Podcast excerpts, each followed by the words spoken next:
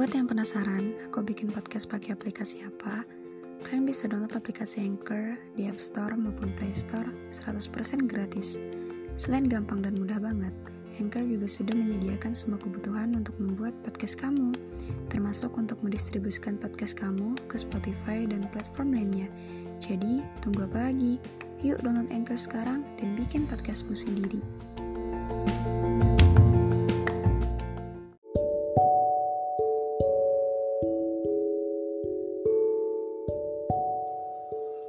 Seringkali, pencapaian orang lain jadi tolak ukur untuk diri sendiri. Sampai lupa bahwa semua orang punya kelebihan dan kekurangannya masing-masing. Gak semua punya kapasitas untuk lihai di bidang yang mungkin bagi orang itu mudah banget. Belajar itu emang penting, tapi untuk terus membandingkan diri sendiri dengan orang-orang yang kelihatannya memang lebih baik dari kita, pencapaiannya lebih banyak, prestasi yang ia punya bahkan udah gak terhitung. Itu karena dia emang mampu dan jalannya di situ. Enggak, enggak, bukan. Bukan kita enggak mampu. Tapi dia punya kapasitas dan di sanalah bidangnya. Yang perlu kita lakukan adalah melakukan yang terbaik di bidang yang sekiranya kita mampu menaruh hati di sana. Yang sekiranya ketika kita mengerjakan hal tersebut, kita enjoy dan gak mikirin pencapaian-pencapaian setelahnya. Atau berlomba pamer udah sampai mana di sosial media. Hal-hal kayak gitu kadang jadi tekanan dan bikin segala hal yang kita lakuin kerasa banget lambatnya. Seakan hal-hal yang kita kerjakan berbentuk paksaan. Aku selalu mencoba untuk menerapkan kerja pakai hati, bukan berarti harus ngikutin mood atau perasaan, tapi belajar untuk menerima dan mencintai pekerjaan tersebut untuk melihat hasil akhirnya senggak suka apa pun aku sama kerjaan tersebut, sebisa mungkin aku harus mencoba untuk menyukainya.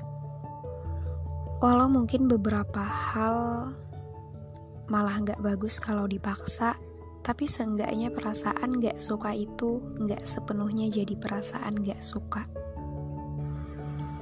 Belajar untuk menerima hal-hal yang nggak kita suka juga berguna untuk semesta yang sering memberikan hal-hal gak terduga.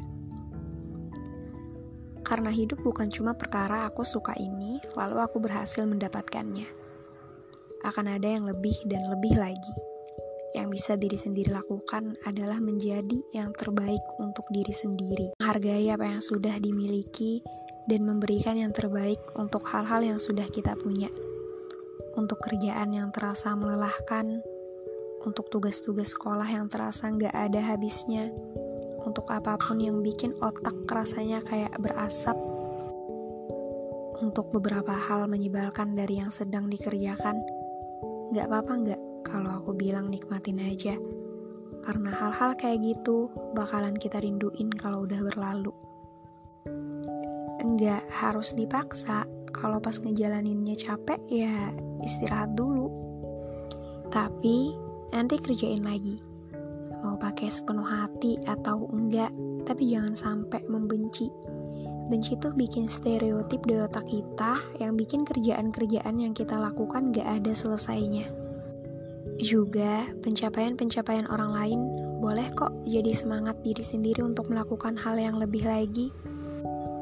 Tapi, jangan sampai semangat itu berbentuk tekanan sampai kamu mengabaikan banyak hal apalagi sampai lupa akan kesehatan.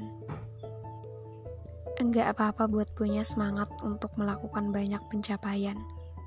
Tapi hal-hal yang sudah kamu miliki itu ada baiknya untuk jangan dilupakan dan disyukuri.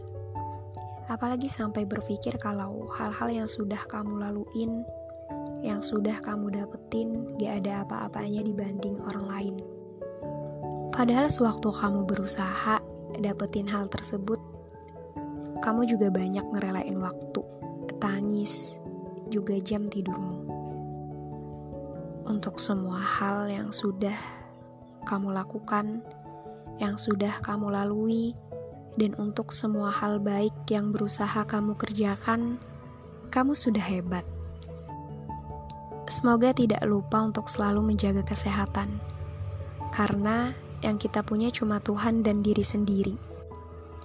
Jadi, untuk apa pun itu, jangan lupa ucapkan terima kasih pada Tuhan dan diri sendiri, karena hal itulah kamu bisa sampai di titik ini, di titik keberhasilan yang menurut orang lain kamu udah keren banget.